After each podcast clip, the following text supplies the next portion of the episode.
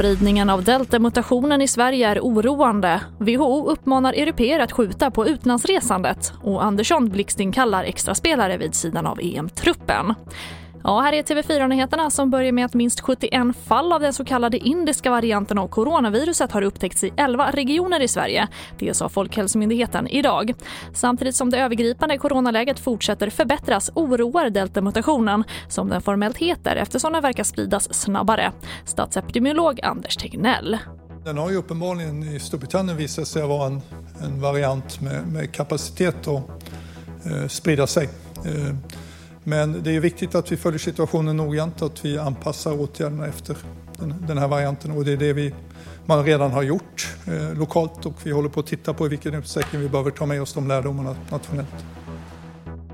Och Världshälsoorganisationen WHO oroas av ökad smittspridning som en följd av mer resande.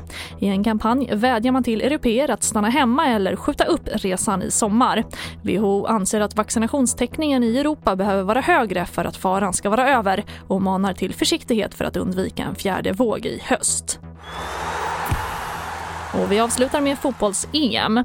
Efter att två spelare i det svenska landslaget testat positivt för covid-19 kommer Sverige ta in en extra trupp på sex spelare, en så kallad reservbubbla vid sidan av EM-truppen. Förbundskapten Janne Andersson.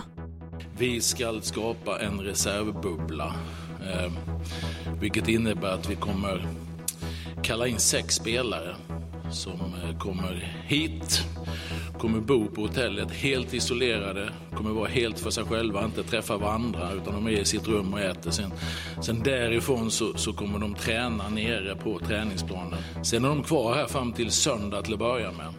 Söndag 24.00 ska vi lämna in eh, trupp till Uefa på de 26 spelarna som, som ska vara med. Sen efter det så får vi inte ändra någonting om det inte är en målvakt. Och det får avsluta TV4-nyheterna. Jag heter Charlotte Hemgren.